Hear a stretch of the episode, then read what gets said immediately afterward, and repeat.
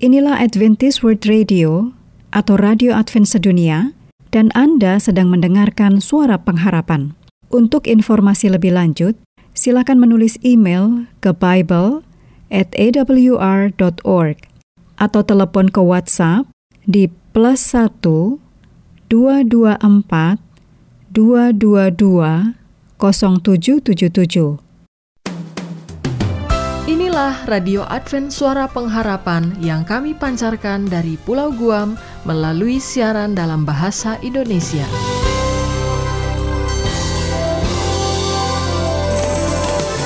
Salam sejahtera kepada saudara pendengar di mana pun Anda berada. Selamat berjumpa kembali dengan kami Radio Advent Suara Pengharapan.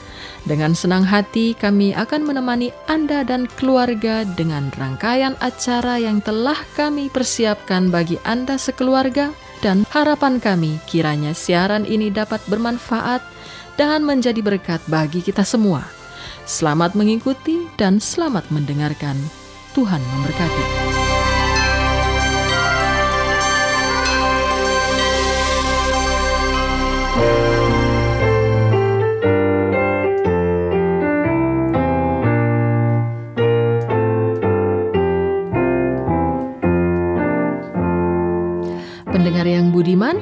Akan segera mengikuti ruang Alkitab menjawab yang akan disampaikan oleh Pendeta Andri Daimbani dan Ayura Yosep Manik. Sebuah program yang dipersiapkan dengan seksama atau syarat dengan jawaban Alkitab yang ringkas dan logis untuk berbagai pertanyaan Alkitab. Dari, Dari studio, studio kami, kami ucapkan, ucapkan selamat, selamat mengikuti. mengikuti.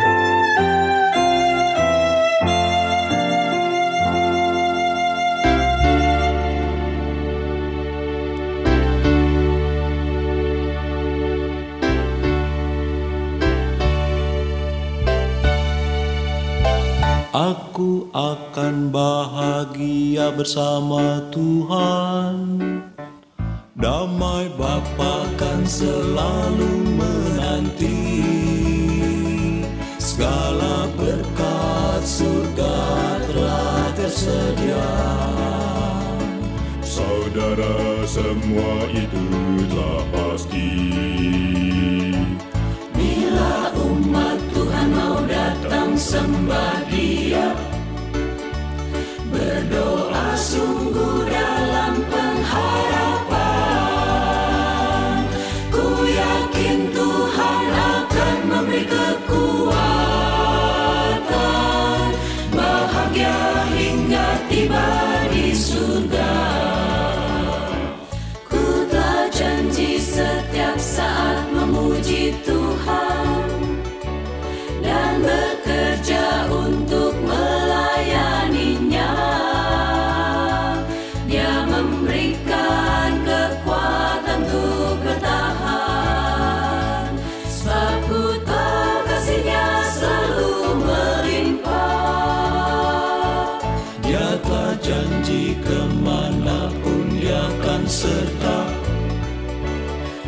Asal serahkan semua di dalam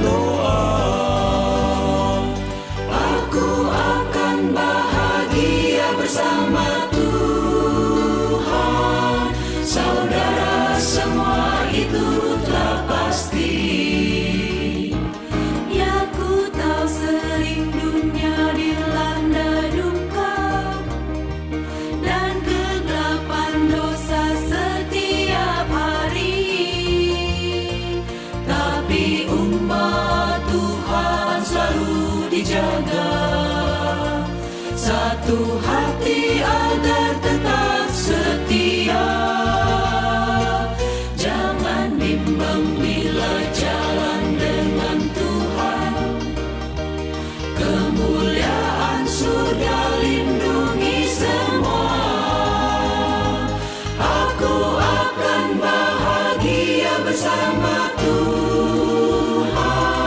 Saudara semua Itu telah pasti Ya pasti. Bahagia hingga surga nanti. Ya sudah nanti. Kami sampaikan salam kasih, salam sejahtera untuk semua pendengar kami yang budiman dan kami bersuka cita boleh memiliki kembali waktu ini untuk kembali menemui Anda para pendengar yang budiman. Walaupun ini memang pertemuan lewat udara ya, namun kita bisa gunakan waktu ini berikutnya untuk melanjutkan program kita Alkitab Menjawab. Saya bersyukur pada Tuhan karena saat ini dengan pertolongan Tuhan hamba Tuhan yang setia melayani kita semua sudah hadir bersama dengan saya di studio ini para pendengar Pendeta Daimbani. Nah, kita sapa lebih dahulu beliau ya para pendengar. Apa kabar pendeta? Terima kasih sudah hadir untuk melayani kami ini. Luar biasa Ayura, terima kasih. Saya senang bisa kembali bersama-sama dengan pendengar dan juga Ayura di studio untuk kembali mengantarkan Alkitab Ya, baik. Ini memang karena pertolongan Tuhan saja pendeta ya. Amin. Dan kita Betul. sangat berharap bahwa pelajaran ini pun akan menjadi pertolongan bagi semua pendengar Betul kita. sekali.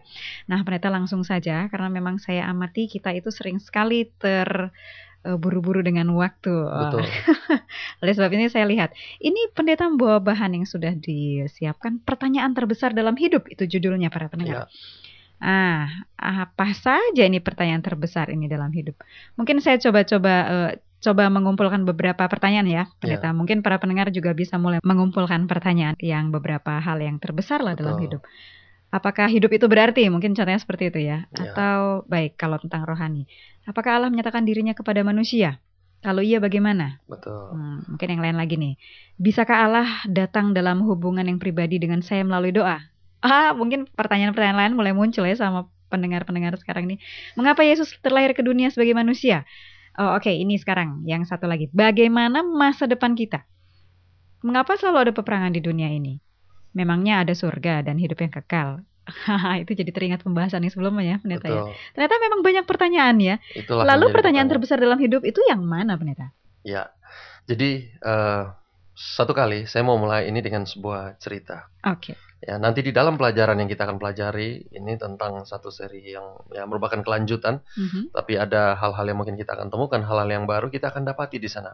Kita akan mulai dulu dengan apa yang sudah saya sediakan ini dan saya berharap ini juga akan menjawab paling tidak eh, sebagian dari banyak pertanyaan yang mungkin juga dimiliki oleh para pendengar kita. Ya, ya. Jadi dari pelajaran ini kita akan menemukan jawaban Allah bagi pertanyaan-pertanyaan tadi, Mhm. bahkan juga mungkin ratusan pertanyaan-pertanyaan penting lainnya dan ini akan sangat bermanfaat bagi kehidupan kita. Ya. Kira-kira demikian. Nah, pertanyaan yang paling penting ini adalah pertanyaan yang menuntun kita kepada keselamatan, pada juru selamat. Itu yang Hmm. merupakan hubungan yang pelajaran kita pada saat ini. Oh, baik. Jadi itu pertanyaan-pertanyaan terkait dengan keselamatan jiwa Betul. kita seperti itu ya, pendeta ya. Ya. Oke, tadi kisahnya gimana tuh, pendeta? Nah, saya mau ceritakan. Terima kasih Ayura sudah ingatkan. Jadi, satu kali ada seorang pendeta melayani, dia berbicara, Mhm. menyampaikan firman. Kemudian setelah dia kembali ke rumahnya, dia mendengarkan ada ketukan pintu pada saat dia sementara belajar. Mhm. Ada seorang anak muda datang bertanya. Dia sebut, ah, dia katakan demikian. Pendeta, pembahasan Anda tadi malam itu sangat bagus, luar biasa. Hmm. Bolehkah Anda menceritakan lagi? Itu kan hanya dari Alkitab Anda. Apakah mungkin ada fakta-fakta yang lain yang di luar Alkitab? Anak muda itu bertanya kepada pendeta tadi. Oh. Kemudian sambil membungkuk, pendeta itu mengambil uh, ku- buku-buku sejarah yang dimiliki dan dia mulai membuka satu persatu. Dia Oh, mau mencoba baik. untuk menerangkan kepada anak muda tadi Mhm.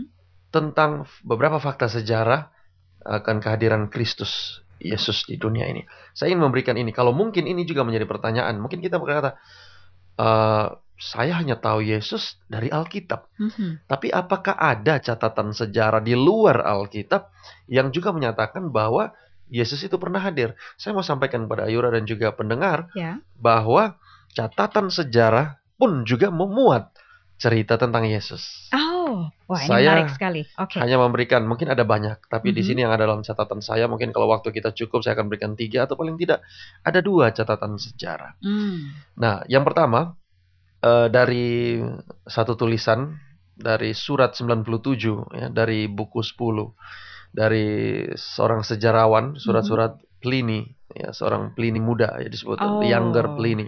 Ya. Dia adalah prokonsul di Roma ya, prokonsul Roma yang berada di Bitinia. Hmm. Nah, eh, ini adalah sebuah provinsi di Asia Kecil pada zaman Yesus pada waktu itu. Mhm. Dan eh, dia menuliskan kepada Trajan, ya, dia katakan demikian. dia menceritakan tentang satu peristiwa yang menarik yang terjadi di provinsinya. Oh, ya. Dan dia sebutkan begini, lihat di sini dia meminta nasihat tentang bagaimana dia harus mengatasi eh, sekte yang baru ini. Apa yang dia maksud ini adalah sebetulnya tentang sekte Kristen, satu kumpulan Oh. orang Kristen. Dan dia menyebutkan juga dalam tulisannya bahwa mereka bernyanyi dari himne, lagu-lagu pujian yang dikarang oleh para pemimpin mereka.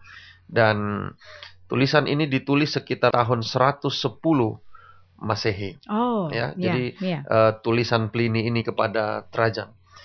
Nah, eh, para pendengar dan juga Ayura, ini sebetulnya satu cerita yang paralel dengan apa yang dicatat di dalam 1 Petrus 1 ayat 1. Ya, di sana Mhm. disebutkan bahwa Injil itu dihotbahkan juga di Bitinia, di mana banyak orang Kristen tersebar di seluruh provinsi pada zaman rasul-rasul. Jadi surat Pliny tadi ini adalah Mhm. salah satu fakta sejarah dari antara sekian banyak fakta sejarah Hmm. Tentang seorang manusia yang pernah ada di dunia ini yaitu Kristus dan pekerjaan apa yang telah dia lakukan ya yang pernah dihotbahkan oleh para pengkhotbah yang mereka ambilkan itu semua dari Injil pada zaman eh, rasul-rasul dan juga pada zaman setelah Kristus. Oh, berarti ini Pliny ini kan asalnya dari atau dia sedang saat itu di Bitinia ya. Betul. Dan ditulis juga di surat 1 Petrus 1 ayat 1, Injil dikotbahkan juga di Bitinia dan isinya surat Pliny cocok seperti tadi pendeta katakan itu paralel. Wah, ini Artinya nama-nama, betul. nama-nama yang ada di pada dalam waktu itu. Alkitab itu, ya, ada di sejarah itu ya, pendeta ya. Jadi eh, pemuda tadi merasa terheran-heran ya, tapi dia Mhm. berpikir ah, itu mungkin cuma satu. Kemudian Nah. pendeta tersebut melanjutkan. Mm-mm. Dia sebutkan lagi ada sejarawan yang lain yang zamannya tidak terlalu jauh berbeda dengan Pliny, namanya Tacitus. Dalam bukunya yang berjudul Annals, buku 15 bab 44 dia menceritakan bagaimana Nero begitu benci Hmm, ya terhadap kelompok orang yang bernama orang Kristen ini. Oke. Dan buku ini juga atau catatan daripada uh, Tacitus ini juga menuliskan tentang penganiayaan terhadap orang Kristen pada waktu uh, terjadi kebakaran atau pada waktu dia membakar kota Roma. Hmm. Nah, di sana Tacitus menjelaskan bahwa istilah Kristen itu datang dari nama Kristus dan dia Ah. menyebutkan bahwa nama Yesus Kristus yaitu pendiri dari agama Kristen itu sendiri dibunuh oleh Pontius Pilatus ya seorang pemimpin atau bahasa Hmm. ininya disebut prokurator yang berada di Yudea pada zaman kekaisaran Tiberius. Nah, sekali lagi kita tentu yang membaca Alkitab pasti tahu ada Hmm. nama Pontius Pilatus di sana. Betul, betul. Ini nama-nama yang cocok apa yang dicatat dalam Alkitab, tetapi yang kemudian juga dicatat di dalam sejarah. sejarah. Ah, Nah, itu baik. adalah dua dari antara ya mungkin sekian banyak ya, masih ada sekian banyak, tapi saya tidak tahu apakah kita punya cukup waktu untuk membahas ini ya. Jadi eh, itu dua dua dua fakta yang mungkin saya bisa bagikan ya, Oke. fakta sejarah. Mungkin bisa satu lagi nih pendeta supaya eh, lebih Mungkin ini lengkap. singkat. Ada ini ada satu salah satu fakta yang pendek. Mhm. Nah, eh, selain daripada dua catatan sejarah tadi, eh, ada seorang sejarawan lain namanya Celsius. Ah, ya, dia tadi Tacitus sekarang Celsius, ya. Celsius pada tahun sekitar tahun 180 Masehi. Ya, jadi itu kurang lebih ya sekitar 150 tahun setelah kenaikan Yesus ke surga, Hmm. kurang lebih Mhm. 150 tahun. Nah, di dalam buku yang dia pernah tulis tentang penyerangan terhadap orang Kristen, di sana ada bagian-bagian tertentu dari buku tersebut menunjukkan bahwa Celsius menyatakan bahwa kekristenan pada waktu itu telah menjadi satu kekuatan yang patut dipertimbangkan. Jadi Hmm, bukan hanya sekedar se- kelompok massa, mhm. tetapi juga adalah satu kekuatan yang perlu dipertimbangkan, yang pengaruhnya besar, yang juga membawa ketakutan tersendiri bagi kekaisaran Roma pada waktu itu. Baik, baik. Kira-kira ya demikian itu dari Celsius. Ya. Jadi kalau kemudian pendeta tadi sambil menjelaskan pada orang muda tersebut, kalau Anda masih ragu dan juga kalau pendengar juga mungkin masih bertanya-tanya, lihat kenapa perlu ada empat Injil? Matius, Markus, Lukas, dan Yohanes. Yohanes. Kalau kita simak secara umum tulisan-tulisan yang ada di keempat Injil ini bagaimana? Pada umumnya adalah sama, Sama mirip betul. ya. Bahkan menjelaskan satu bahkan sama ya lain. satu ya. menjelaskan satu yang lain. Jadi kalaupun tidak cukup dalam fakta-fakta sejarah yang ada, lihat Alkitab Anda. Itu sama banyak, bahkan lebih banyak daripada catatan-catatan sejarah yang menceritakan fakta bahwa Yesus itu pernah ada, Ada di di, dunia, dunia ini ini. sebagai manusia. Kira-kira demikian, Ayura. Baik, oh jadi ini memang sebetulnya eh, ini tambahan ya. Kalau Alkitab itu memang yang paling utama yang kita perlu percayai. Tapi betul sekali, ternyata didukung juga oleh fakta-fakta sejarah. Tadi mereka sudah sampaikan tiga peristiwa catatan dari para sejarawan. Terima kasih. Nah, kita mau mau lanjutkan ini terkait dengan pertanyaan terbesar itu tadi disampaikan Ya, hal-hal yang terkait dengan keselamatan jiwa manusia. Nah, kembali kepada Yesus. Betul sekali bahwa Yesus pernah berada di dunia Ya, ini. betul. Pertanyaan saya nih, pendeta. Mm-mm. Kapan Yesus itu menjadi manusia? Baik, ini pertanyaan yang baik, susah-susah tapi sulit untuk menerangkan. ya, terima kasih. Eh, mungkin ini juga menjadi pertanyaan bagi sebagian pendengar. Jadi saya mau sampaikan bahwa Yesus itu bukan hanya sekedar sebagai orang yang baik, Hmm, ya manusia yang pernah hidup di dunia ini, tapi dia juga adalah Allah. ya itu saya ketahui juga Ya, demikian. Yesus bukan hanya sekedar manusia, bukan sekedar orang yang baik, tapi dia juga adalah Allah. Manusia Allah, kira-kira seperti itu. Nah, Manusia ini yang Allah. sulit kita mengerti sebagai manusia.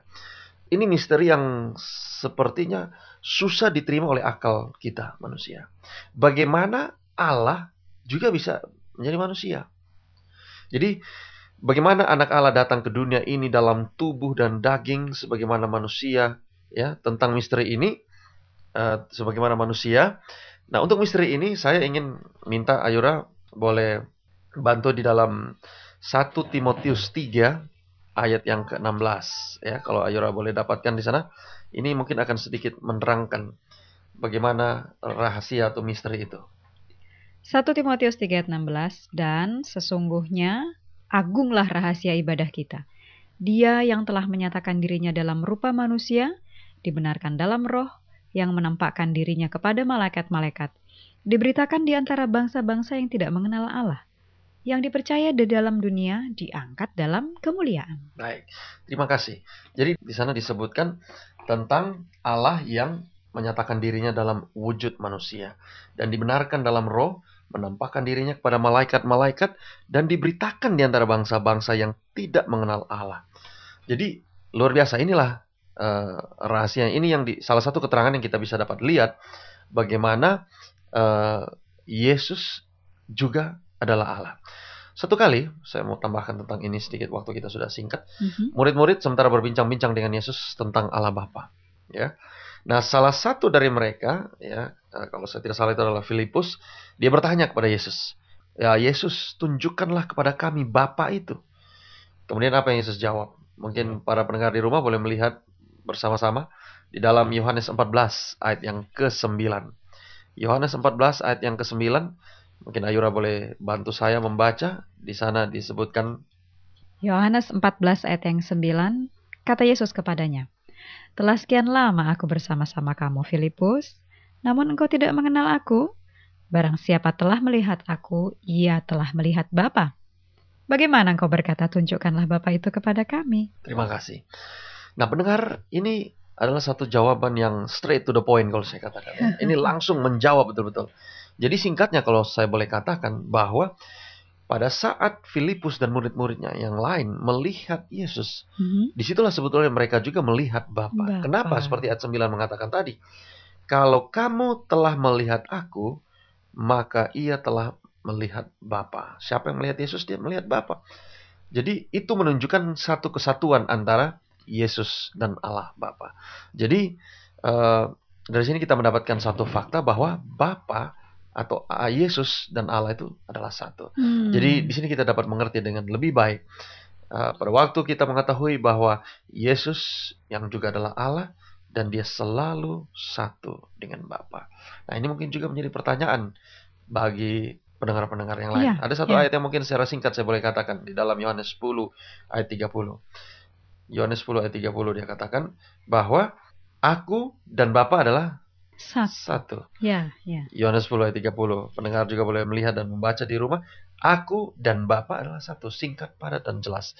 Itulah pernyataan Yesus sendiri, ya, bahwa dia dan Bapa sejak semula adalah bersama-sama satu. Hmm. Kira-kira demikian.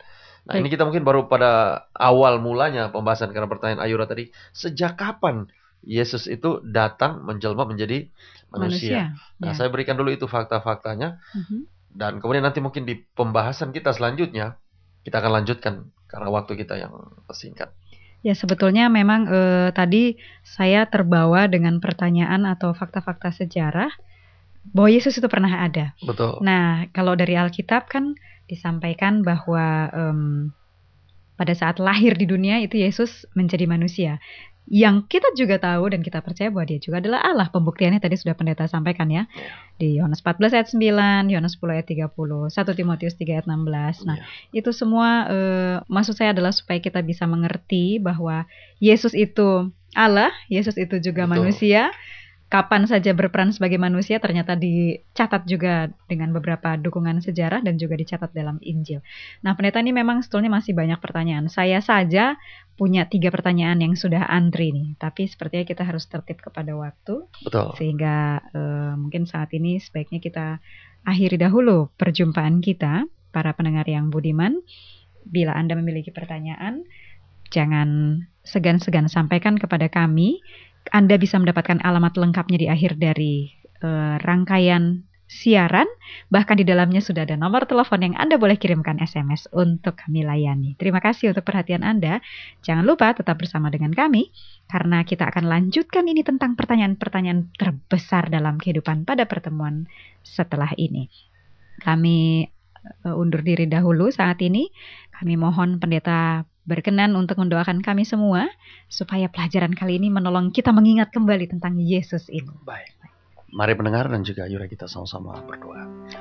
Bapa kami dalam sorga, Allah yang baik, Allah yang maha pengasih, Ya, kami Tuhan. bersyukur dan berterima kasih kepadamu Tuhan, satu kesempatan yang indah Engkau berikan lagi kepada kami pada saat ini, bila mana kami boleh melanjutkan akan uh, mempelajari akan firman-Mu, mendalami akan kasih dan cinta Tuhan bagi kami. Benar. Kami berterima kasih Bapa oleh karena kami dapat mengenal Engkau begitu mengasihi kami, Ya. Engkau telah mengirim anakmu Yesus Kristus untuk berada di tengah-tengah kami sebagai manusia, hidup merasakan kehidupan manusia, merasakan beban kehidupan yang kami rasakan. Ya. Bapak ini boleh menjadi satu pelajaran bagi kami bahwa kami tidak perlu takut oleh karena kehidupan yang kami jalani di dunia ini, Yesus pun juga pernah menjalaninya. Ya, benar. Kami berdoa Tuhan biarlah bagi setiap pendengar Tuhan boleh selalu berkati, Tuhan selalu tuntun di dalam segala uh, permasalahan yang dihadapi, di dalam segala aktivitas yang dilakukan, bahkan dalam segala kebutuhan yang kami butuhkan.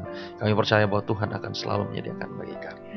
Bapa di sorga, kami rindu agar kami boleh dapat melanjutkan pembahasan ini pada waktu-waktu yang akan datang. Kami mohon biarlah Tuhan selalu menyediakan waktu bagi kami, baik pendengar maupun kami juga yang melayani, Ya, agar kiranya kami boleh selalu bertemu, membahas firman Tuhan, dan biarlah kuasa roh kudusmu akan menuntun, memberikan pengertian kepada setiap pendengar. Amin. Kami boleh dapat mengerti dan memahami firman-Mu, kami boleh dapat disanggupkan untuk menghidupkan firman ini menjadi berkat bagi kerohanian kami.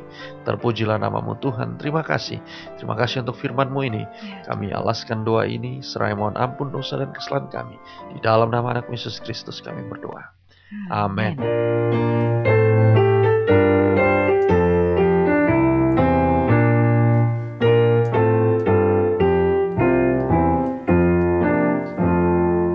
Anda baru saja mengikuti ruang Alkitab menjawab dan kami berharap juga mendoakan bahwa program ini bukan hanya menjawab pertanyaan, tetapi juga dapat digunakan sebagai pedoman hidup bagi para pencari Tuhan yang sungguh-sungguh.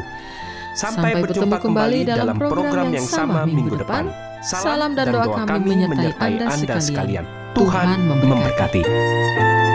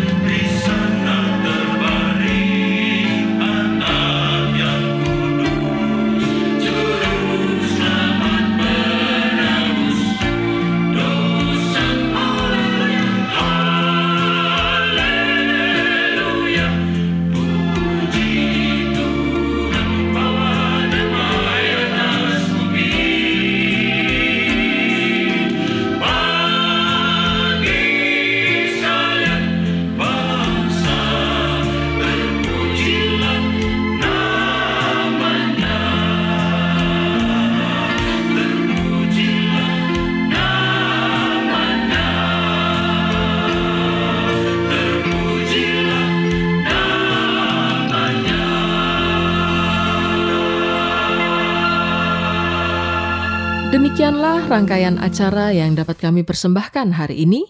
Dan apabila Anda mempunyai pertanyaan atau ingin mendapat pelajaran Alkitab penemuan baru, Anda dapat mengirim surat ke alamat Radio Advent Suara Pengharapan, PO Box 8090 Jakarta 12810 Indonesia.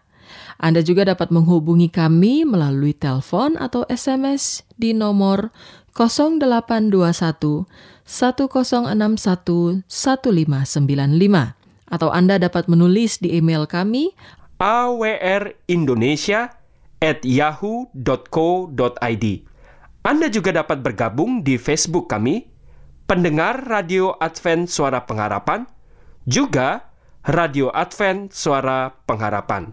Terima, Terima kasih, kami, ucapkan, ucapkan bagi, Anda, semua pendengar kami yang setia. Kita akan berjumpa kembali pada waktu dan gelombang yang sama esok hari. Salam kasih dan sejahtera. Kiranya Tuhan memberkati kita semua.